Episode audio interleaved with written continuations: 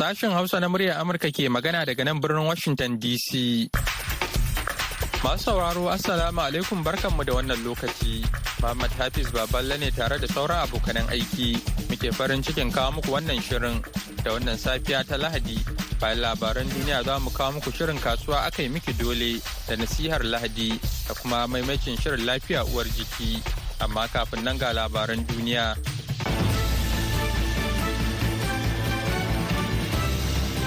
Assalamu alaikum jama'a ga cikakkun labaran duniya mai karantawa baba ya ko makeri. Wani harin makami mai linzami da rasha ta kai akan wani birni a yankin Donetsk da ke gabashin ƙasar Ukraine ya kashe akalla mutane uku a jiya Asabar yayin da sojojin Ukraine suka gwabza kazamin fada da sojojin rasha a wurare da dama a gabashin ƙasar inda Moscow ke ci gaba da kai hare-hare cikin gaggawa a daidai lokacin da ƙasashen yammacin duniya suka yi alkawarin kawo tankunan zamani ga Kiev. Shugaban ƙasar ukraine volodymyr zelensky ya yi amfani da wannan damar wajen matsawa abokan hulɗarsu na ƙasashen yamma lamba don baiwa dakarunsa makamai masu linzami masu cin dogon zango da aka fi sani da atacms domin rage ƙarfin rasha na kai hari kan garuruwa. Zai yiwu a taka wa ta'addancin rasha burki idan za mu iya samar da makamai masu linzami da suka dace ga sojojinmu in ji zelensky a cikin jawabinsa na daren jiya asabar. Tun da farko zelensky ya ce ana ci gaba da gwabza kazamin fada a garuruwan volda da bakhmut garin da aka fi fama da hare-haren bamabamai na rasha. A jiya asabar shugaban ƙasar peru dina boluart ta buƙaci 'yan majalisar dokokin ƙasar su nemo hanyar fita daga cikin rikicin siyasa da ke ƙara yin zarfi ta hanyar amincewa da gudanar da zaɓuka a watan disamba sa'o'i kaɗan bayan da majalisar ta kada ƙuri'an kin amincewa da wannan ra'ayi. Da sanyin safiyar jiya asabar ɗin nan ne 'yan majalisar suka yi watsi da buƙatar ta na kai zabuka gaba zuwa watan disamba. Duk da zanga-zangar kin jinin bulwark da ta barke a faɗin ƙasar ta yi sanadin mutuwar mutane da dama. Mun yi nadamun cewa majalisar wannan jamhuriya ta gaza fitar da ranar da za a gudanar da babban zaɓe inda 'yan ƙasar peru za su samu sukunin zaɓo sabbin hukumomi ta hanyar demokuraɗiyya a cewar saƙon da bulwar ta kafa a shafin twitter a jiya asabar.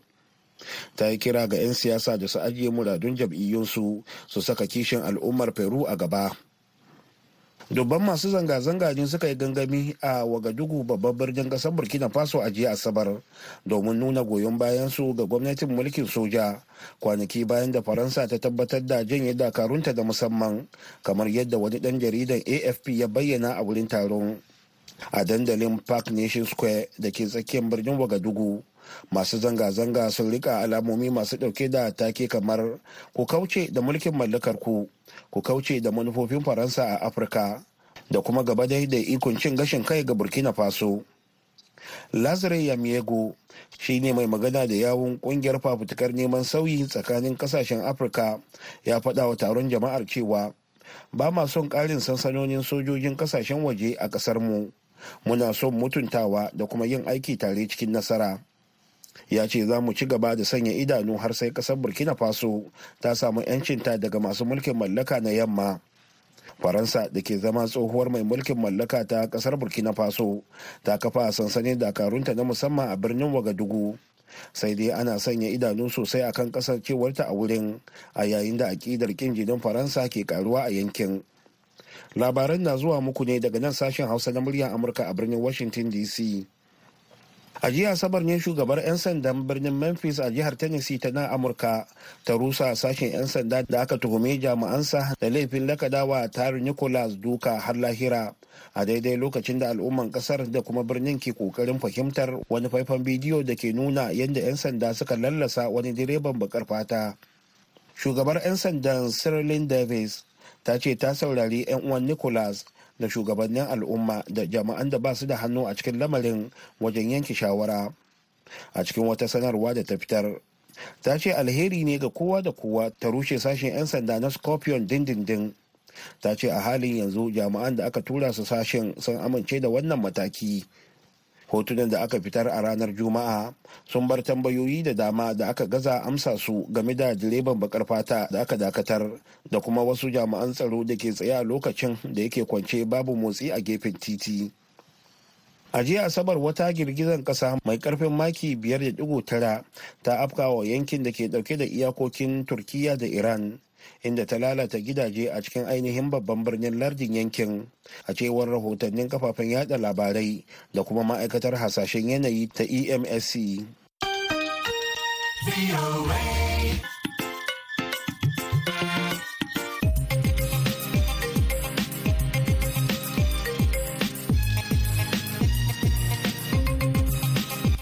Labaran duniya kuka saurara daga nan sashen Hausa na muryar Amurka a birnin Washington DC. Yanzu kuma sai a gyara zama domin jin shirinmu na gaba. Shirin BOA Hausa Kasuwa a kai mikido ne Kasuwa Kasuwa a ƙasashe ya take Masu rara assalamu alaikum barkamu da warhaka barkamu da saduwa a cikin wani sabon shirin kasuwa a kai muke dole. Shirin namu na yau yana ɗaya daga cikin manyan kasuwanni ne da ke jihar Neja. Wato sabon kasuwa da aka fi sani da suna kasuwan kure inda kuma kamar sauran kasuwanni musamman ma dai a Afirka ake gudanar da hada-hada na kayayyaki daban-daban. To yanzu haka dai gani tare da wasu 'yan kasuwa da za su gabatar da kansu da kuma abubuwan da suke sayarwa. Assalamu alaikum ya suna malam. A sunana Badamasi Aliyu.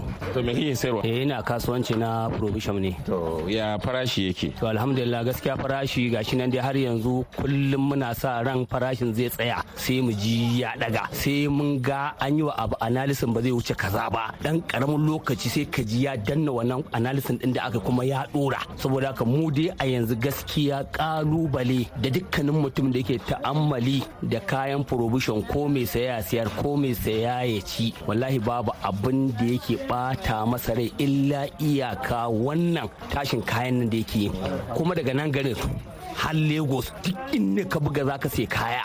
In dai ka sai kaya sati guda kana kira kawai za ka ji kayan ya ƙara kuɗi.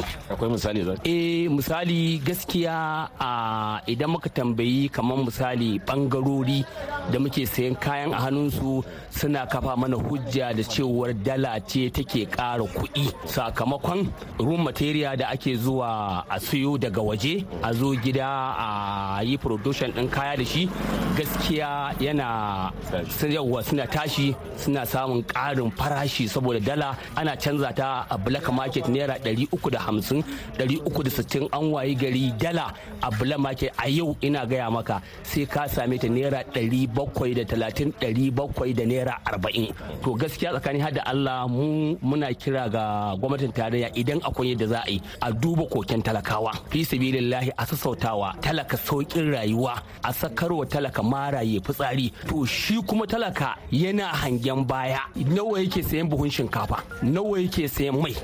Na ja da farin mai. Nawa yake sayan sabulun wanka? Nawa yake sayan sabulun wanki? Nawa yake sayan omo? Dukkanin su talaka yana nan yana alalisin akan wannan abun. Ya suna malamin? Sunana fauziya usman galadima. To ga ki na ganki a wannan shago da ake sai da kayayyaki na sakan hand da ake cewa kayayyakin gwanjo ko? Kina sara ne koko dai kina kin zo saya da ne? Na zo siyan ɗaɗɗaya ne. Amma siyan ɗaɗɗayan ma ba yanda muke siya da saboda komi ya canza. Abin 500 a ce maka 1000 komi ya canza na rayuwa yanzu na a kasuwan nan. So gaskiya muna muna kiran gwamnati da su taimaka muna a sauke mana farashin abubuwa. Din gashi ni yanzu zan yi aure abubuwa duka sun kara tsada.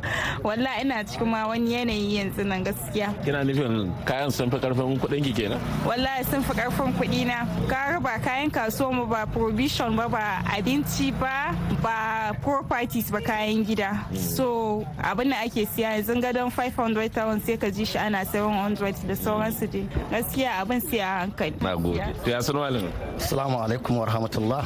Suna na mika'il dauda amma an fi sani na da coach. Kake sayarwa. Ina sai da kaya ne na gwanjo amma kuma kayan kala kala ne. To ya farashi? To farashi fa gaskiya abin da sai dai mu ci alhamdulillah saboda gaskiya muna fuskantar ƙalubale kala kala saboda gaskiya tun daga can saman da muke zuwa muke so kayan dan ba duk sati duk satin da za mu koma sayan kaya yau in muka ji farashin tashi gobe muka je sai ya karu. Mu abubuwan muka zo muna ta fama da kwastomomin wajen sayan ɗaiɗai muna samun matsaloli sosai da sosai. To amma haka dai muke dan daddanne su muna ba su haƙuri muna cewa da Allah su yi haƙuri muna tunanin insha Allah muna tunanin insha Allah nan gaba za a samu canji. To amma abin da nake so mu dai gwamnati ta dan duba mana kan al'amarin nan. Saboda gaskiya tsakanin da Allah harkokin nan namu dan wani lokacin mu mun koka abin yana damun mu. Kamar bel ɗin nan da kuke cewa da nawa kuke saya yanzu kuma nawa to tsakani da Allah akwai bel din da da akwai bel da nake saya da. Bata wuce 70000 ba. Amma a yanzu tsakani da Allah tana kaiwa 220 to saboda haka gaskiya tsakanin da Allah abubuwan ba kayan da bai ninka so biyu ba zuwa uku. To saboda haka mu ma wajen sai da kayan sun muka zo da kyar da kyar ma wani kayan muke hada kuɗi wani ma faɗuwa muke. To saboda business din namu ne baya da za mu yi to haka muka daure dai muke yi. Amma insha Allah muna tunanin fa har gobe muna kyakkyawan zato muna tunanin insha Allah za a samu canji da izinin Allah. To na gode to masha Allah. Ya suna malamin sunana Faisal Isa Danfanga. To ga ka wannan shago me da me ake sayarwa? Eh wannan shagon ni wholesaler ne na harkan da ya shafa biscuits conflicts su munchit coco pops harkan dai snacks haka shine muke sayarwa ana to ya farashi yake? Eh farashin lafiya lau yake amma da yake kasan yau da kullun abubuwa sukan sauya. Ta ce lafiya kuma su masu sai suna kukan abubuwa sai tsada. Eh kamar dai yadda aka sani mu siwa muke daga company mu wholesalers. So akwai abubuwa da in muka je siwa daga company sai mu ji an ce ya ƙara kuɗi. Wani ma kafin mu tura oda na ga kayan da muke so sai mu ji an ce ai an ƙara kuɗi. To sannan kuma musamman bayan harkan farashi daga kamfani wani lokaci za su ƙara kuɗin su wanda mu kama ba mu san dalili ba. Kuma ba ba mu dama ake mu tambaya ba kuma mu kai korafin mu ko kukan mu na me yasa ya ƙara kuɗi. So bayan wannan ma matsalan sai ya zama akwai matsala kuma na harka na transport. Da wanda zaka ɗauko kaya daga wani wuri zuwa inda kake. Wani lokaci kamfani za ta yi ce maka za ta yi subsidizing transport din wani lokaci kuma ta ce ba ta yi. Kai kuma ka ka ɗauko kaya ka biya mata kuɗin mota a labarin yana iya canzawa. Kamar to za a dan gaya mana nawa nawa ake sayar da kamar kaza kwali kaza ana sayar eh akwai kwali akwai biskit by 72 wanda za ka ga shi yawanci na naira 20-20 ne. Lokaci wannan za ka same shi ana sayar da shi a 1300 wurin retailers kenan wata 1400 a wurin retailers kenan ba wurin wholesalers. Sai ya zama kamfani kuma yanzu ta canza shi.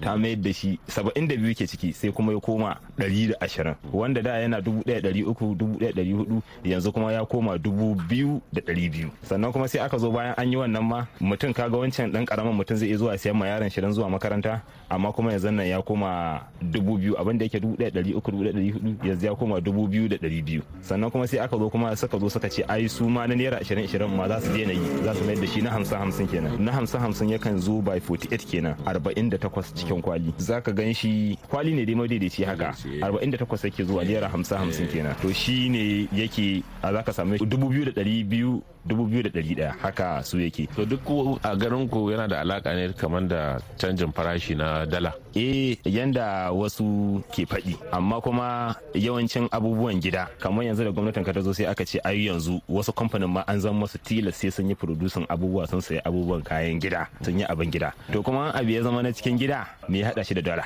To duk wannan wanda za a ce wai wancan abu ya hada shi da dala ya hada shi da dala ni dai a matsayina na wanda ya karanci dan fanni haka na economics da finance in aka ce mun abu wai na gida an hada shi da abun kuɗin waje.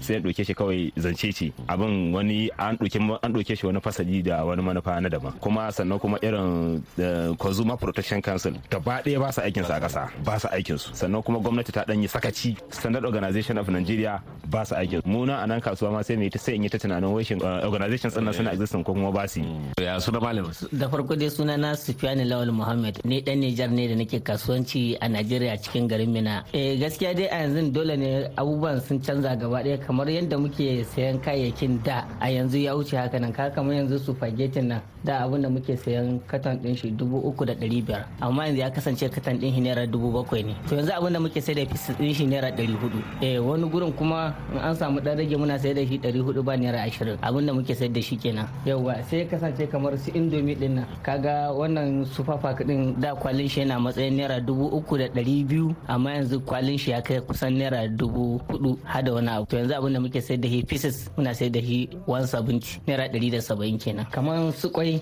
magi yanzu kamar magi sita ɗin nan kaga yana abun nan din shi yana na kan abun nan din shi yana naira ɗari huɗu da hamsin. Amma yanzu abun da ake sayar da shi ɗari bakwai. Paket din shi guda kenan naira ɗari bakwai. Yanzu abun da zaka sayar da shi in kana so ka dan samu wani ba ka sai dai ka sayar da shi duka akan guda ɗaya naira goma. Haka muke sayar da shi. Kamar kwai yanzu da abun da muke sayan shi muna sayan shi naira dubu da ɗari biyu crate yanzu ya kasance abun da zaka sayi shi naira dubu biyu da ɗari ɗaya. Dole abun da muke sayar da shi mu ma naira casa'in casa'in muke sayar da shi domin mu samu wani abu. Abun da muke sayar sayarwa kenan. Kamar madara fa? Eh madara wannan kamar fik abin da muke sayan shi da kwalin shi naira dubu goma sha ɗaya da ɗari bakwai. Amma yanzu kuɗin shi kwali ya kai naira dubu goma sha tara. Abinda ake sayar da shi kenan. Yanzu abin da muke sayar da shi muna sayan shi akan kowane guda ɗaya muna sayan shi akan 95 naira muna sayar da shi naira ɗari ɗari. Abinda muke sayar da shi kenan. Kamar loya milk ɗin nan ma haka ne. Kamar fi'in cowbell ɗin nan. Kaga da shi ma muna sayan shi naira ɗari uku da hamsin roll ɗin shi. Amma yanzu abin da muke ake sayan mana da shi za ka saye shi matsayin naira ɗari shida da naira hamsin ka zo ka sai da shi ɗari bakwai. Roll kenan kowane pieces za ka sai da shi naira saba'in saba'in. Abinda muke sayar da shi kenan to ba saurare ƙarshen shirin namu na wannan safiya kenan shirin kasuwa a miki dole wanda ni baban jibrin na gabatar. A huta lafiya. Shirin BOA Hausa kasuwa. Masu sauraro kada a shafa har yanzu ana tare ne da sashen Hausa na muryar Amurka a birnin Washington DC. Yanzu kuma ga nasihar Lahadi.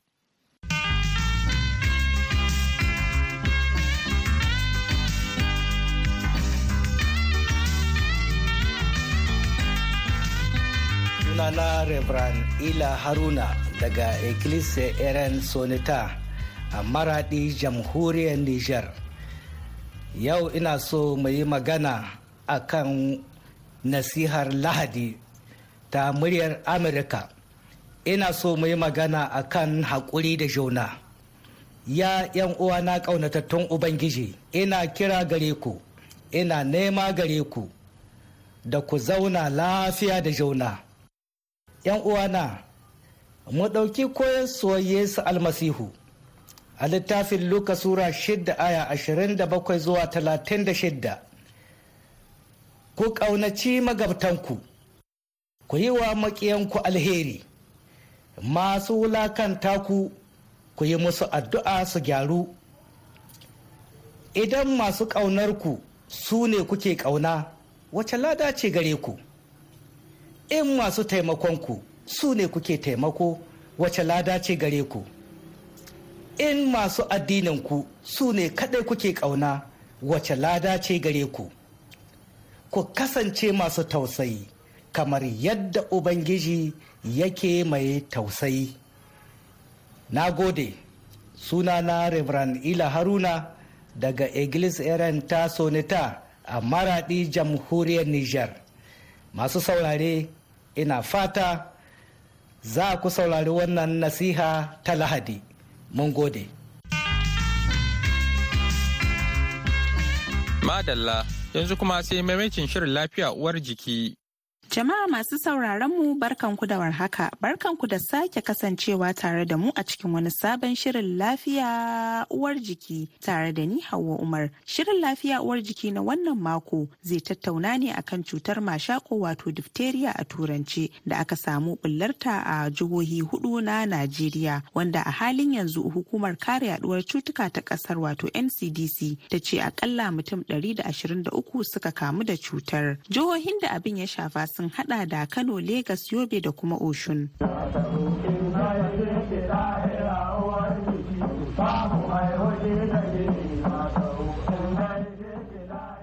Mashako cuta ce wacce ƙwayoyin cuta nau'in bakteriya ke haddasawa kuma cutar kan kama hanyoyin numfashi ne a wasu lokutan kuma takan nuna a fata. Mai cutar kan fuskanci matsala wajen numfashi, cutar kan haddasa bugawar zuciya da shanyewar wani ɓangare na jiki a wasu lokutan cutar mashako kan kawo rasa rai. Tare da ni a cikin shirin akwai kwararren likitan yara da Lawal Musa Tahir da ke aiki da shahararren asibitin Nizamiya na ƙasar Turkiya da ke Abuja. Likita barka da wannan lokaci. Masu sauraron barka da wannan lokaci. Masu sauraron mu za su so su ji ƙarin haske akan cutar mashako. To, mashako wata cuta ce da ke yaɗuwa cikin al'umma wadda kuma wata ƙwayar cuta nau'in jinsin bacteria da ake kira Corynebacterium diphtheriae take kawowa. Kuma abin da ƙwayar cuta take wani guba ne take saki. Wannan guban shine yake kawo matsalolin da ake gani a wannan cuta. Yakan shafi mako makogwaro da baki da wurin numfashi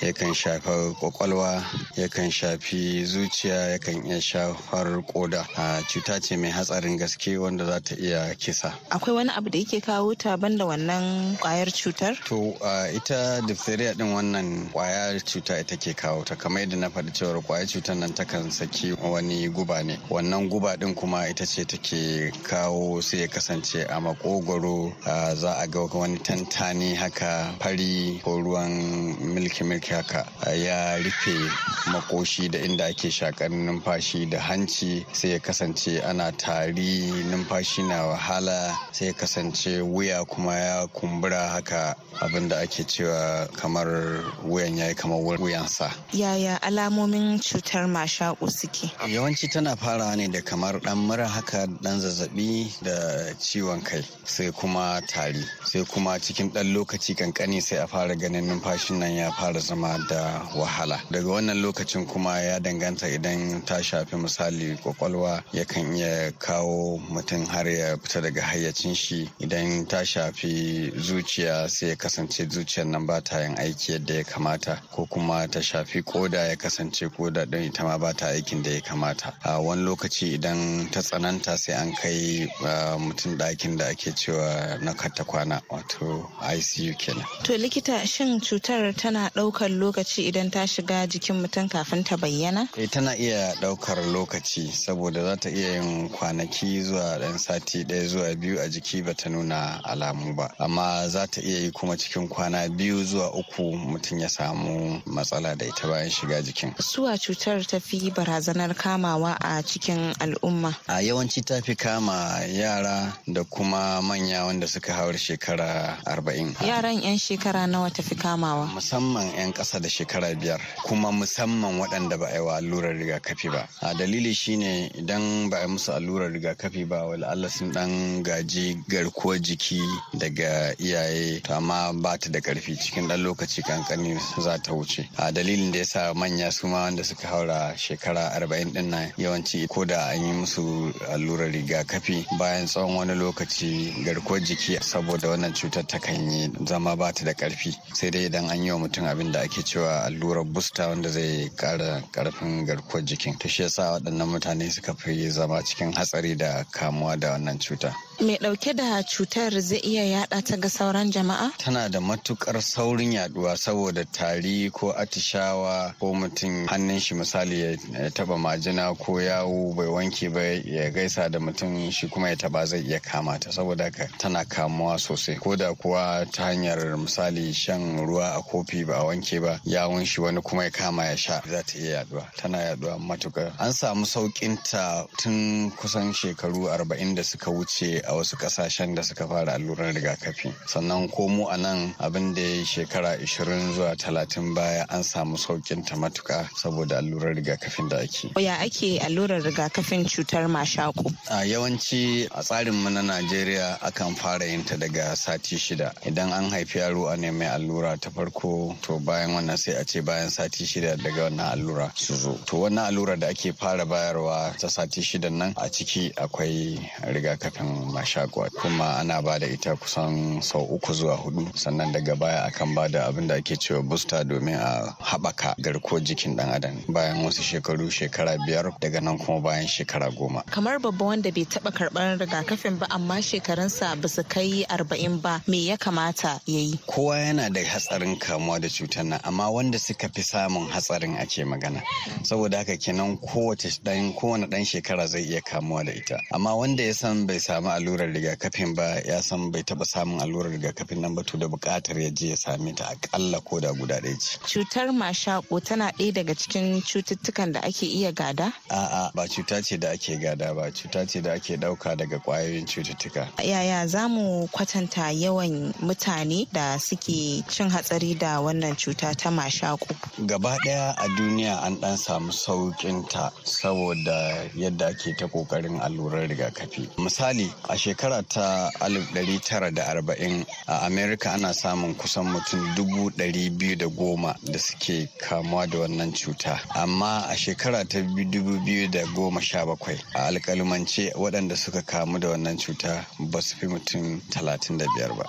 To likita idan cutar ta kai wani mataki ne take da hatsari ga rayuwar dan adam? Daga lokacin da aka gane cewar akwai wannan cuta, to wannan cuta tana da hatsari. Daga lokacin da aka gane cewa ita ce. Daga lokacin da ake zargin ma cewar wannan cutar diphtheria ce wato mashako, to yana da hatsarin gaske. Bai kamata mara lafiyan nan ya tafi gida ba. Yawanci akan ware su gefe ɗaya a yi musu magani, sannan duk wanda aka san ya yi mu'amala da su ma a yi mai magani, sannan a sanar da hukumomin lafiya wanda suke hakkin su ne su ɗauki matakan hana yaduwar ta cikin al'umma. Cutar mashaƙo akwai wata matsala da take haifarwa ga wataƙila wata gaba ko wani sassa na jiki. Kamar yadda muka magana cewa tana iya lalata zuciya, tana iya lalata ƙwaƙwalwa, tana iya lalata koda. To idan ƙwaƙwalwa kuma ta tabu kin ga kenan kowane ɓangare na jiki zai iya tabuwa. Kowace shawara zaka bawa masu sauraron mu game da kare kansu daga kamuwa da mashako da ma kowace irin nau'i na cuta. Duk lokacin da mutum ya ga yana da wani dan mura haka da tari yawanci al'ada mutane ba su ɗauka cuta ba ne. Ba a fiye damuwa ba zai shiga cikin al'umma zai yadda yake so. Amma idan aka duba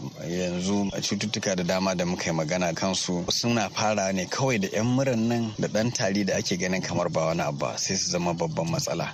Saboda haka yana da kyau mutum ya ɗau ɗabi'ar cewar idan kana da irin wannan dan zazzaɓi yan mura to ka dan ɗau matakan kar ka yada shi cikin al'umma saboda baka san abin da zaka iya yadawa ba. Masu sauraron mu kada ku sha'afa. Kuna sauraron shirin lafiya uwar jiki ne daga nan sashen hausa na muryar amurka. Shin me hukumar lafiya matakin farko ke cewa game da wannan cuta ta mashaƙo? Ga daraktan tsare-tsare bincike da ƙididdiga na hukumar lafiya matakin farko a abuja dr abdullahi bula magarba da ƙarin bayani. Muna sane da cewa akwai barkewar cutar mashako wanda a turanci ake kiranta wato diphtheria.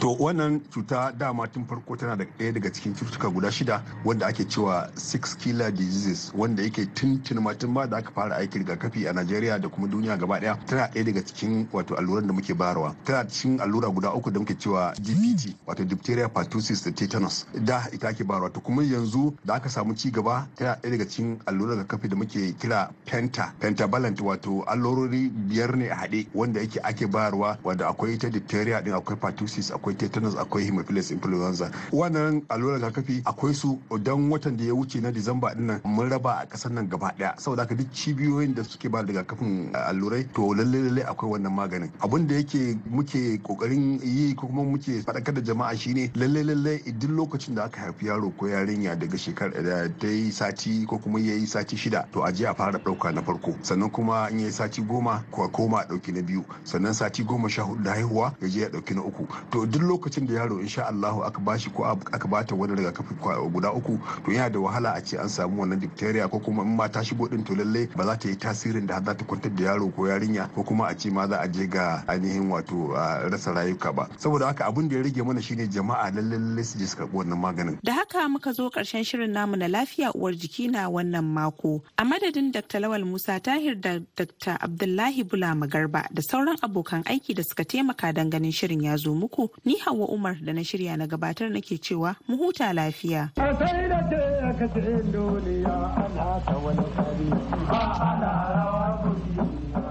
Wannan shirin na zuwar muku ne kai tsaye daga nan sashin Hausa na muryar Amurka a birnin Washington DC ga masu sauraron mu a jamhuriyar Nijar za ku iya sauraron mu a tashar mu ta BOA Africa a kan mita 200.5.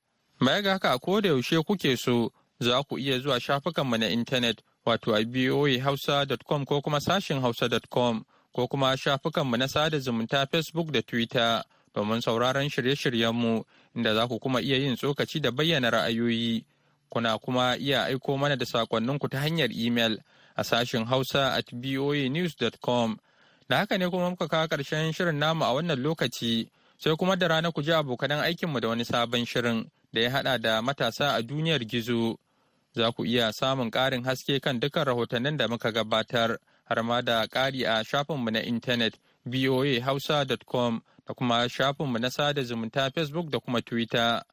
Yanzu a madadin dukan waɗanda suka ba da gudunmawa ga nasarar wannan shirin da suka hada da Julie Gresham da ta haɗa shirin da ba da umarni, Muhammad Hafiz Baballake sallama da ku, a wuni lafiya.